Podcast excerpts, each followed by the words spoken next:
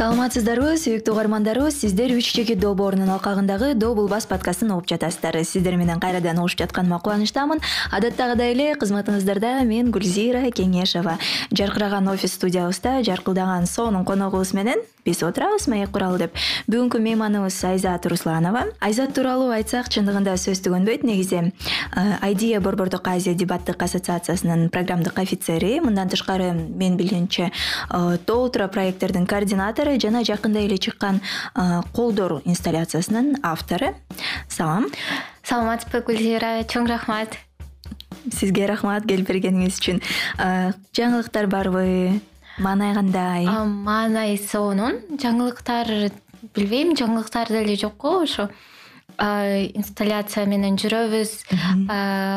Орун имарат издеп кайсыл жака койсок деп. Анан абдан көп энергия дагы ошого кетип калып атат. Андан башка мурунку эле долбоорлор менен сүйүктүү айдия командасы менен иштеп жүрөм.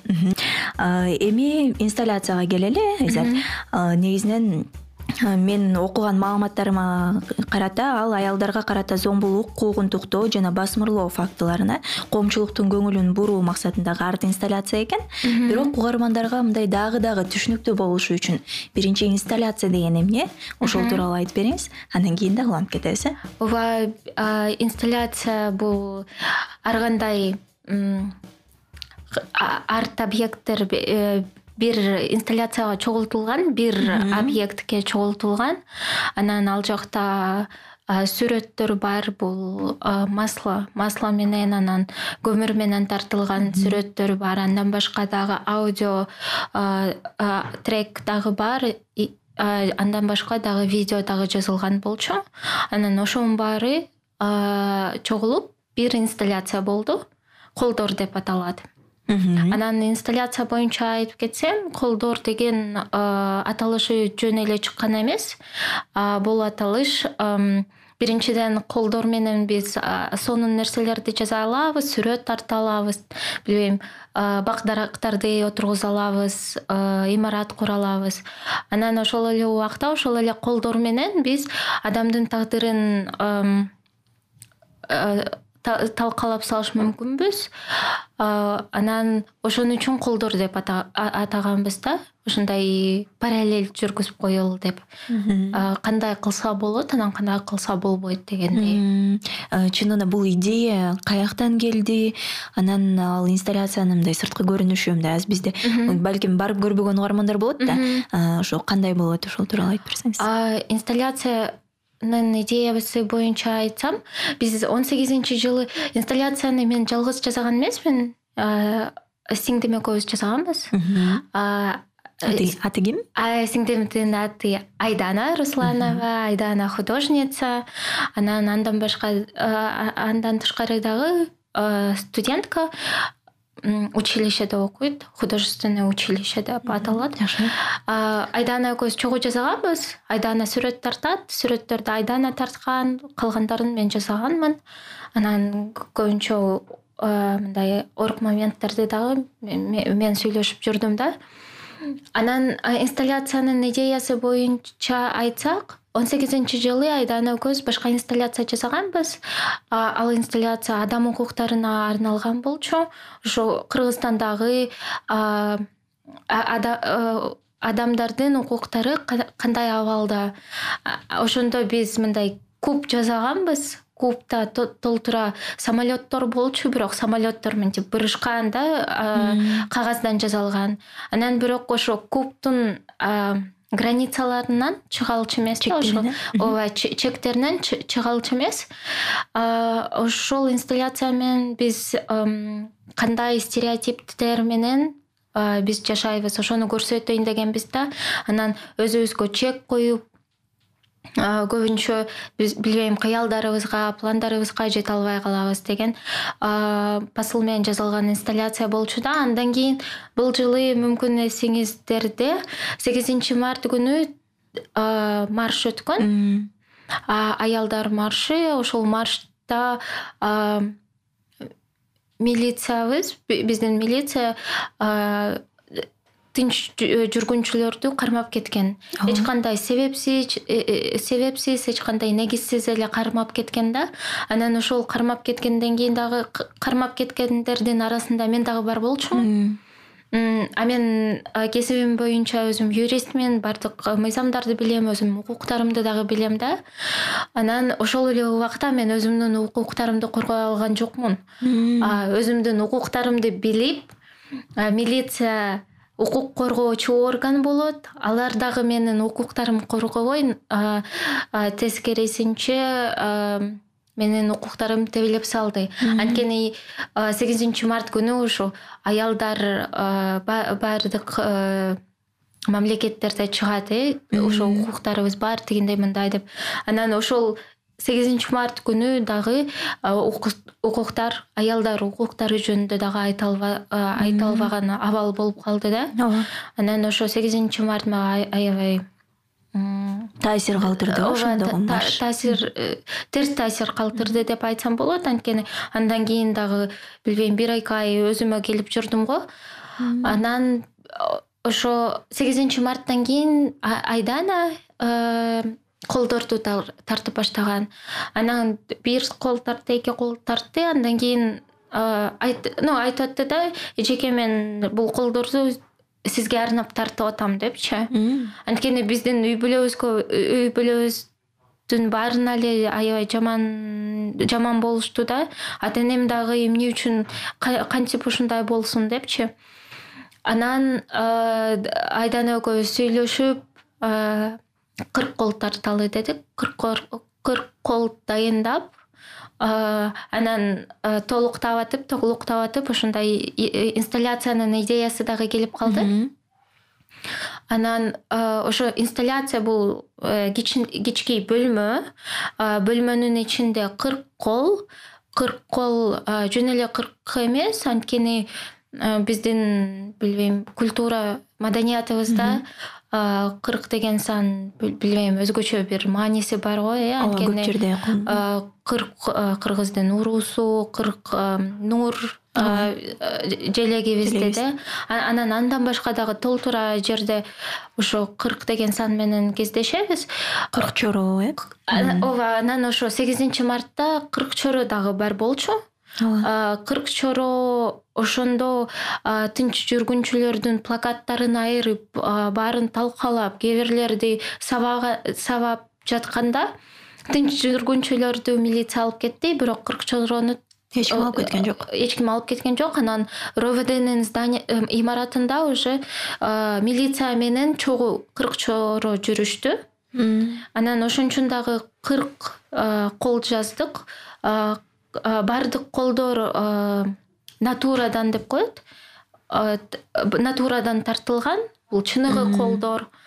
Анан сыртында дагы ичинде ошо ошондой кырк кол тартылган сыртында бул зордук зомбулук көргөн аялдар кыздардын колдору.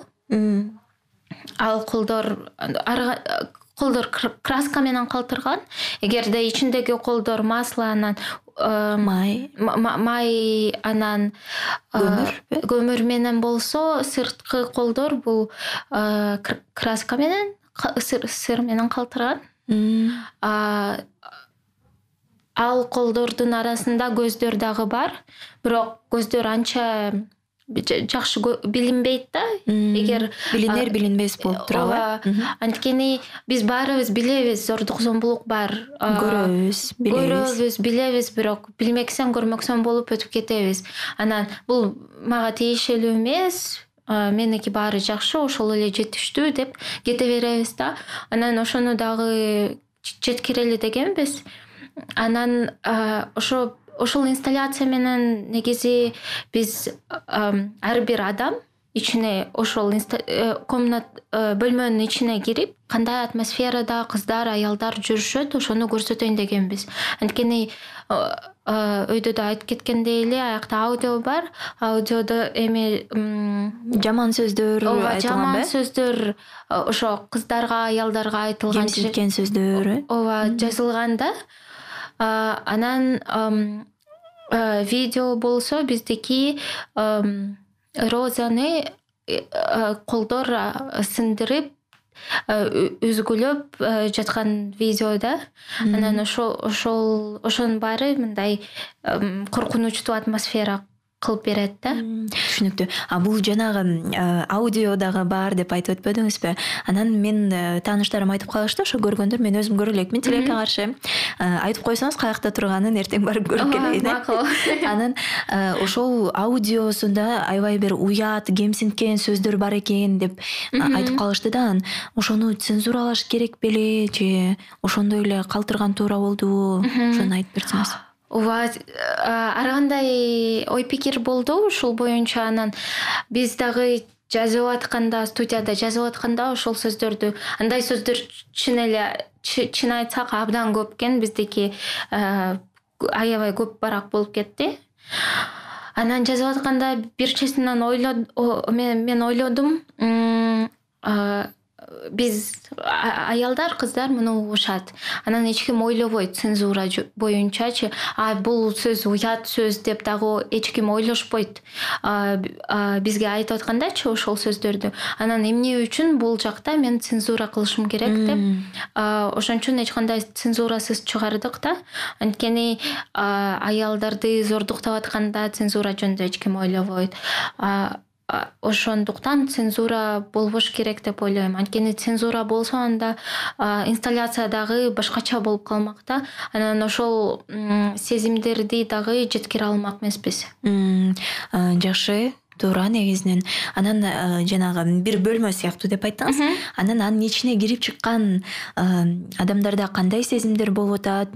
Эркектер өздөрү дагы кирип жатышабы эркектер дагы аялдар дагы кирип жатышат. Анан аялдар көбүнчө көбүнчөсү баары эле колдошот. Ошо аялдар укуктарын анан инсталляция дагы сонун экен деп кетип атышат да.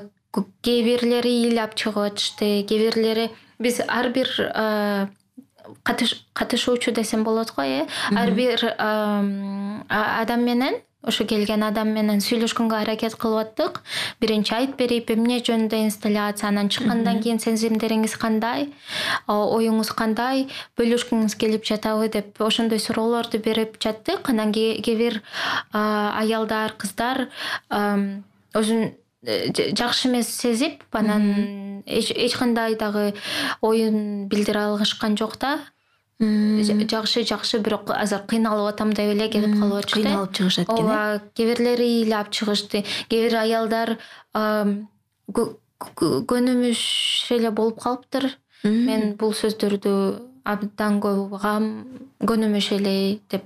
Ошондой дагы бул абдан жаман билбейм. Өкүнүчтүү ооба өкүнүчтүү да. Анткени эмне үчүн биз мындай жаман сөздөргө көнүп калганбыз кандай гана билбейм ал жакта мындай сөздөр дагы бар да баалап жаткан сөздөрчү сен эмне болгон кийимдесиң тигиндей мындай чачың эмне саксайып жатат дегенчи анан эмне үчүн башка бирөөнүн иши болуш керек деп деген ойлор пайда болот да.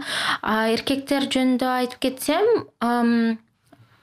биздин инсталляция биринчисинде биринчи эле ололук хаус ормонханада турду да ал жакта негизи эле адам укуктарын коргогон ошо ошондой адамдар иштейт да анан инсталляция бар экен деген биз жаңылык чыгардык да. Анан атайын келген дагы адамдар көп болушту көбүнчө эле атайын ошо инсталляцияны көрөбүз деп келгендер келген адамдар болду. Анан ошол келген адамдардын арасындагы эркектер инсталляцияга кирип чыккан.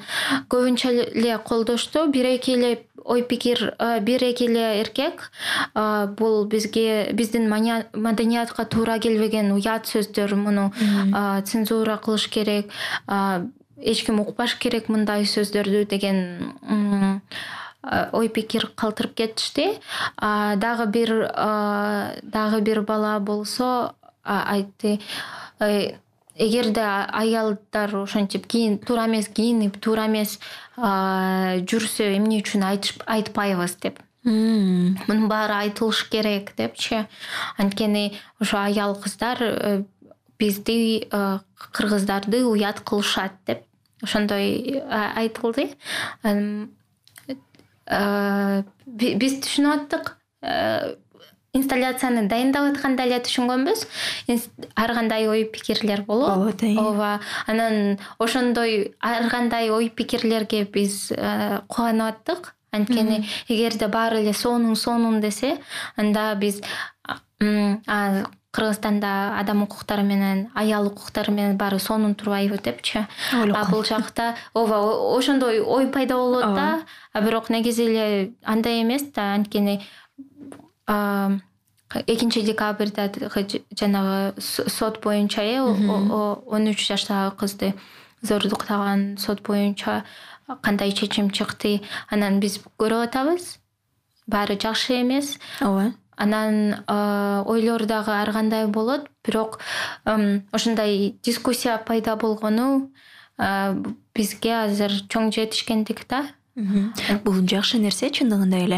Анан жанагы кайсы бир берүүдөн угуп калдым эле ушул инсталляция чоң аудитория үчүн мындай жасалган жатты эле бирок э, ага көп энергия талап болду жана сүйлөшүүлөр дагы көп болбой калды. Анан кээ бир ушу соода борборлору дагы мындай баш тартып коюшту коюндургандан депчи. Анан азыр мындай суроо жаралып жатат да менде алардын баш тартуу себеби эмнеде болду экен? Алар кандай кайсы бир нерседен коркуштубу кандай деп ойлойсуз вот э, сүйлөшүүлөр чын эле бир айга бир айга созулуп кетти окшойт бир айга жетип калды. Ооба чоң аудиторияга жасалган анткени биз абдан кубанычтабыз э, кички группа бар экен ошо аял укуктарын колдогон адамдарчы. Анан бирок биз э, жакшы билбейм жакшы каалоо тилектерди угалы деп жасаган эмеспиз. Биз кичине дискурс пайда болсун деп жасаганбыз да ошон үчүн чоң аудиторияга. Биринчисинен эле ошо соода борборлоруна орнотолу дегенбиз да. Анан ошолордон эле баштаганбыз бирок биринчисинде биздики ушундай сүрөттөр бар колдор анан кызыгуусун көрсөтүп атышты да эмне болгон колдор эмне үчүн колдор депчи анан биз ошо аялдарга болгон зордук зомбулук боюнча аялдар укуктары боюнча анткени көрүп атасыздар күндөн күнгө өсүп атат ошол ушундай көрүнүш деп түшүндүрмө берип баштаганда феминизм жөнүндө укканда эле биздики азыр карантин эмеспи? Кичине коопсуздукту сакташыбыз керек. Болбой калат го анан кички бөлмө экен. Биз биз имаратты бере албайбыз. Орноттура албайбыз деп эле. Төрт үч төрт жерден биз э, отказ алдык. Түшүнүктүү. Алар балким кандайдыр бир э, мындай жанагындай коомдун э, эркек коомчулугу болобу же кандай деп айтсам туура болот мындай. Айыптоосунан коркуштубу билбейм. Негизи азыр азыркы убакка чейин эле ойлонуп жүрөм эмне үчүн? Каршы болуп атышат биринчи биринчисинен мен ойлоп жатам баары эле ошо соода борборлорунда акчага акча менен байланыштуу да. Эгерде акча болсо анан билбейм. Ошол эгерде сиздер акча төлөп берсеңиздер балким орнотуп коюшмак ооба акча төлөп анан ошол арендага биз акча төлөп берсек рекламасына акча төлөп берсек мүмкүн ооба орноттурушмак. Анан экинчисинен дагы ошо аял укуктары жөнүндө анан феминизм жөнүндө укканда эле баары эле туура эмес түшүнүп батыштын идеологиясы туура эмес баалуулуктар бузуп атасыңар биздин маданиятты деп башташат да. Биздин менталитетке туура келбейт дегендей башталат э чындыгында түшүнүктүү. Бул инсталляцияны мисалы азыр кайсы соода борборунда ошо жаңылыктар эч кимге айта элек болчумун э? бүгүн азия молго азия моллго орнотконбуз. Анткени ололо хауста беш күн турду андан кийин азаттыктан репортаж чыккан. Репортаж э, интервьюда мен айткам да ошо соодоборлор каршы болуп чыгышты депчи э, бизге площадка берген жок деп. Анан ошондон кийин мага соодоборлор жазып баштады. Өздөрү эле. Ооба өздөрү биз билген эмеспиз ушундай экенин. Бизге келиңиздер биз абдан кубанычта болобуз деп. Анан бүгүн азия моллго орнотконбуз презентация өткөрдүк.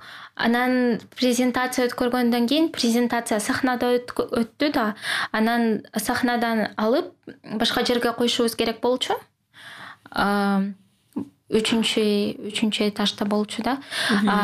Ал ал жерде адамдар тамактанат. Анан бизге мындай кички балдардын жанында кички балдардын жанында площадка беришти да ушул жерге орнотсоңор болот депчи. Э, кичинекей балдар ойногон жакта э ооба кичинекей э. балдар ойноп анан ал жакта кичинекей балдардан башка эч ким жок да. Анан э, сүйлөшкөнгө аракет кылдык. Биздин инсталляция бул кички балдарга арналган эмес. Анан кички балдар муну көрбөй эле койсо жакшы болот. Анткени биз көрсөтпөйбүз деле. Бирок биздин аудитория башка жакта мүмкүн бул жака орнотобуз мүмкүн бул жака деп ар кандай вариантты дагы көрсөтө э, варианттарды көрсөтүп баштасак жок бул жак мынча турат бул жак э, бекер бере албайбыз бул жака аренда төлөш керек. Анан силер бул жака эле ошо балдардын кичинекей балдардын жанында эле орното аласыңар дегенден кийин да рахмат деп инсталляцияны алып кетип калдык. Азыр эч жака орното элекпиз анан билбейм. Анткени лоло хауска дагы орноткондо анан бул жака дагы орнотконго абдан көп убакыт анан мындай кандай десем энергия дагы э, сарпталат э? ооба э, энергияны дагы талап кылат. Анан азыр сиңдим экөөбүз кичине тыныгып алалы деп чечтик. Анан бул инсталляция жана башка ушул сыяктуу нерселерди белгилүү бир топтун адамдары түшүнүшөт деп э, ойлойбуз да.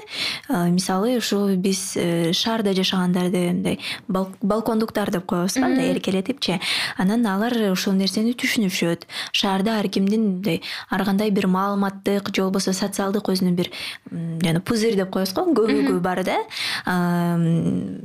Ошону биз чындыгында моюнга керек. Анан алардын көңүлүн ушул сыяктуу маселелерге буруу үчүн мындай иш аракеттердин балким кереги деле жок мындай иш аракеттерди региондорго балким жеткизиш керек болчу. Кандай деп ойлойсуз аларга кантип жеткирсек болот? Балким пландар да бар сизде. Бирок мен айта албайм ошо бишкектин баардыгы эле жараны гендердик теңдиктин принциптерин колдошот деп. Баардыгы эле ошо аялдарын аялдардын кыздардын ой пикирин угуп анан ошо менен эсептешкенге даяр деп.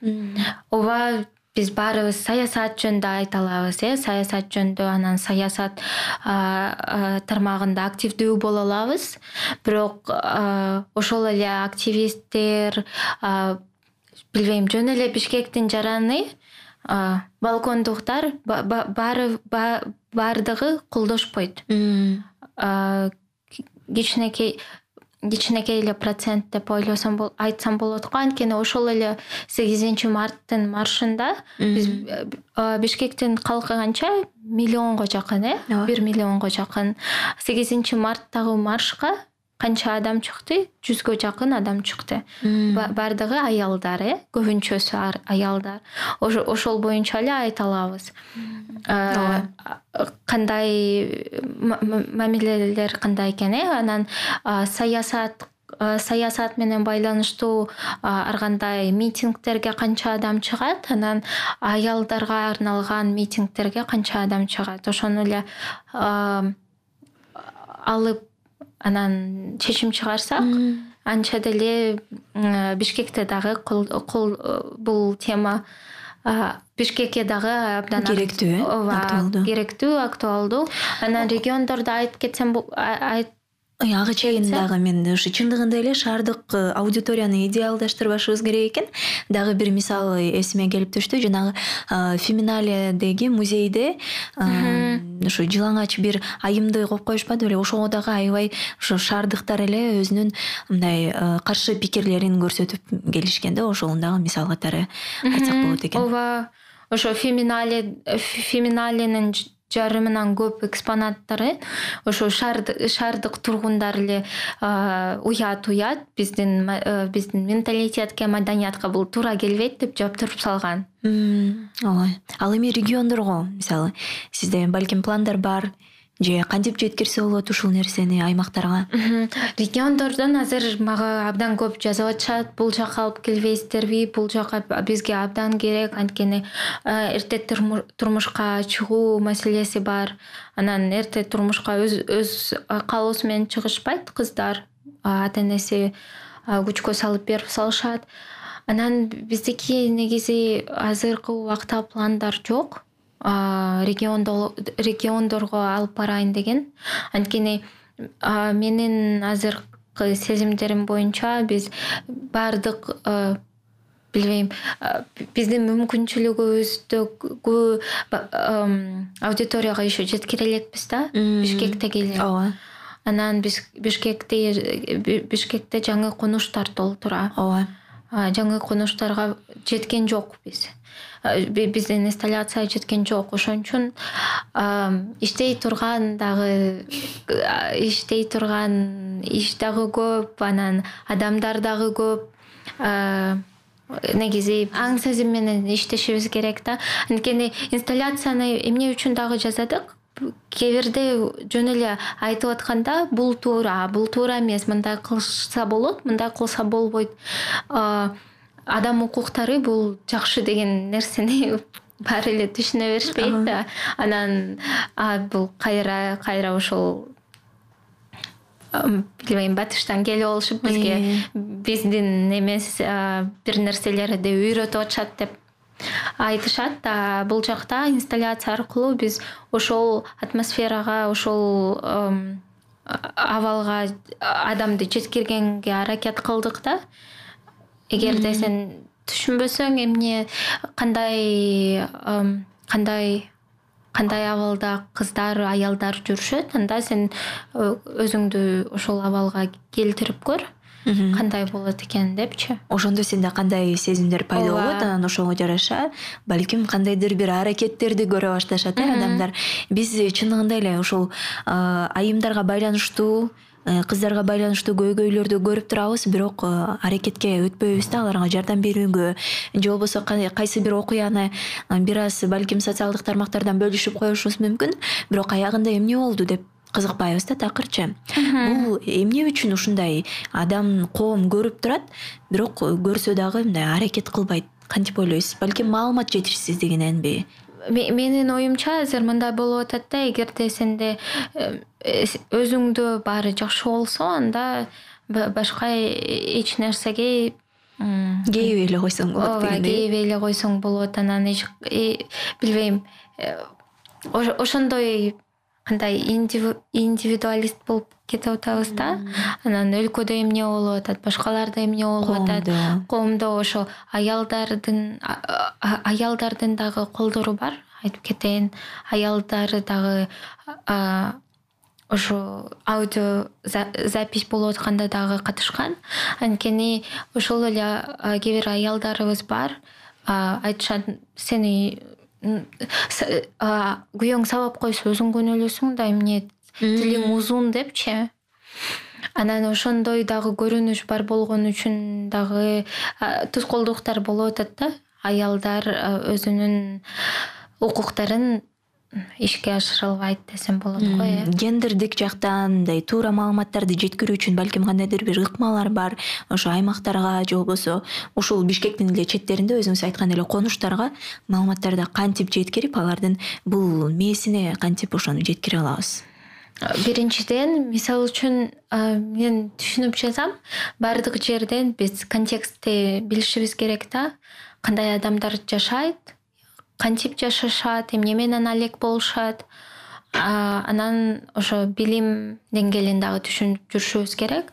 Анткени мен мисалы үчүн мен түшүнүп эмне үчүн региондорго мен азыр айта албайм алып барабыз депчи анткени региондорго бул э, инсталляция абдан кандай радикальный деп койсок болот го э? Алар үчүн бир жаңы көрүнүш алар түшүнбөгөн нерсе ооба анан ал региондордо башка ыкмалар менен иштеш керек. Мисалы үчүн мен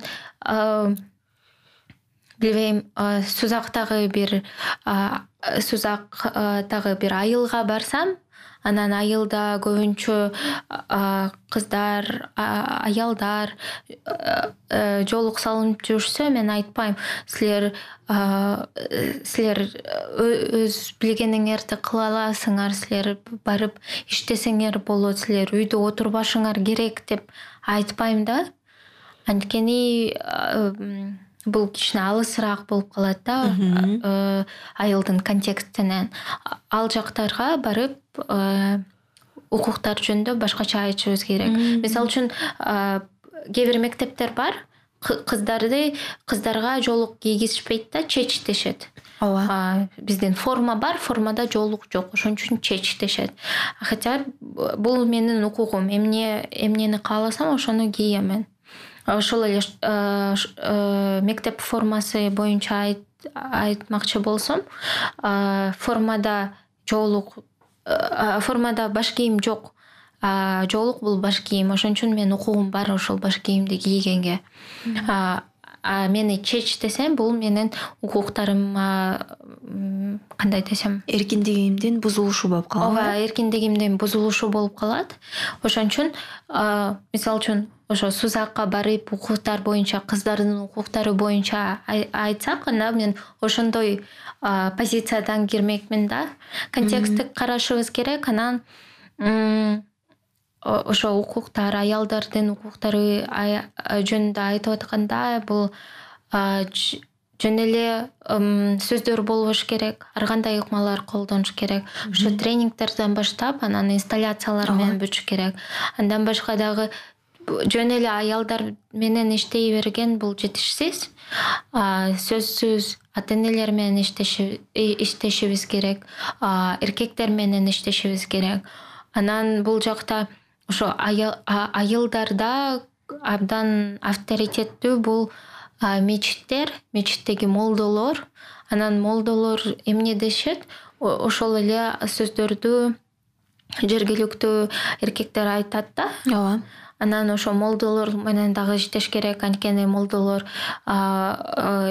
куранда мындай жазылган силердин там беш аял беш аял алсаңар болот деп ошентип айтышса анан башкалар ишенип ооба анан ошондой сөздөрдү туура деп ойлоп жүрүшөт э? Ойлоп жүрүшөт ооба чындыгында сиздин айткан сөздөрүңүзгө толугу менен кошулам. Айзат азыр бизде убакыт дагы соңуна келип калыптыр сиздин убакыт бөлүп бергениңиз үчүн терең ыраазычылык билдирем ийгилик каалайм. Ал эми азыр болсо эркин микрофон берейинби сизге. Балким ушуну мен айтам деп келгенсиз мен болсо ал жөнүндө суроо бербей койдум. Биздин угармандарыбызга кайрылып өтүңүз. Эгерде медиа сабаттуулук жана сынчыл ой жүгүртүү маалыматтарды иргеп алуу боюнча кандайдыр бир кеп кеңештериңиз болсо күтөбүз сизден. Чоң рахмат. Биринчиден сиздерге э, терең ыраазычылык билдирем э, мени чакыргандарыңыздарга. Экинчиден негизи эле медиа сабаттуулук боюнча айтып кетейин дегенмин.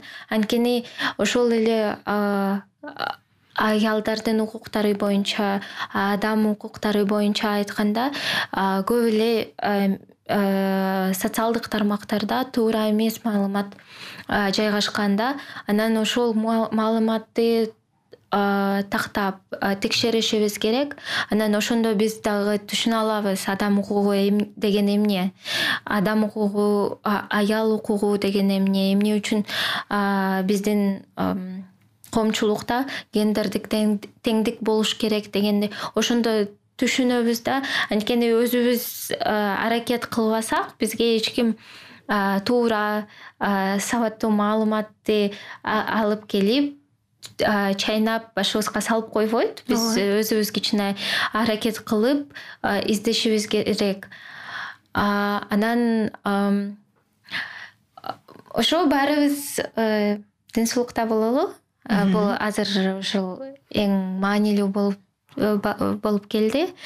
Анан келе жаткан жаңы жылыңыздар менен э, жыйырма биринчи жыл кичине жыйырманчы жылдан э, жакшыраак ооба айтканыңыз келсин. Чындыгында мен да унутуп калып турмун. Жакшы болбодубу эстеткениңиздерге урматтуу угармандар баарыңыздарды келе жаткан жаңы жылыңыздар менен куттуктайбыз биздин ошол үч чекит долбоорунун жалпы командасынын атынан добул бас подкастынын командасынын атынан бул жакта биздин өнөр режиссерубуз дагы менин атыман куттуктап койгула деп атат дал ошондой. Буюрса эки миң жыйырма биринчи жыл абдан бир жакшы жылдардан болсун. Эми жок дегенде эки миң жыйырманчы жылдан бир аз бир аз жакшыраак болсо ошого дагы сүйүнөбүз э. Бүгүн болсо бизде конокто жаркыраган эң сонун айзат русланова болду. Айдия борбордук азиянын программдык офицери жана азыркы тапта ушу чындыгында актуалдуу болуп жаткан э, чыгып жаткан колдор арт инсталляциясынын автору чоң рахмат ишиңиздерге ийгилик каалайбыз. Сиздерге чоң рахмат. Келип туруңуз дегендей же биз келип туралы сизге. Урматтуу угармандар ушуну менен бүгүнкү чыгарылышыбызды дагы жыйынтыктайбыз жакшы туруңуздар баардык маалыматтарды көрүп билип тактаганды унутпаңыздар. Кызматыңыздарда адаттагыдай эле мен гүлзира кеңешова болдум. Жана биздин өнөр режиссерубуз сергей каргин. Жаңы жылда угушкан чакты аман туруңуздар биз сиздерди сагынабыз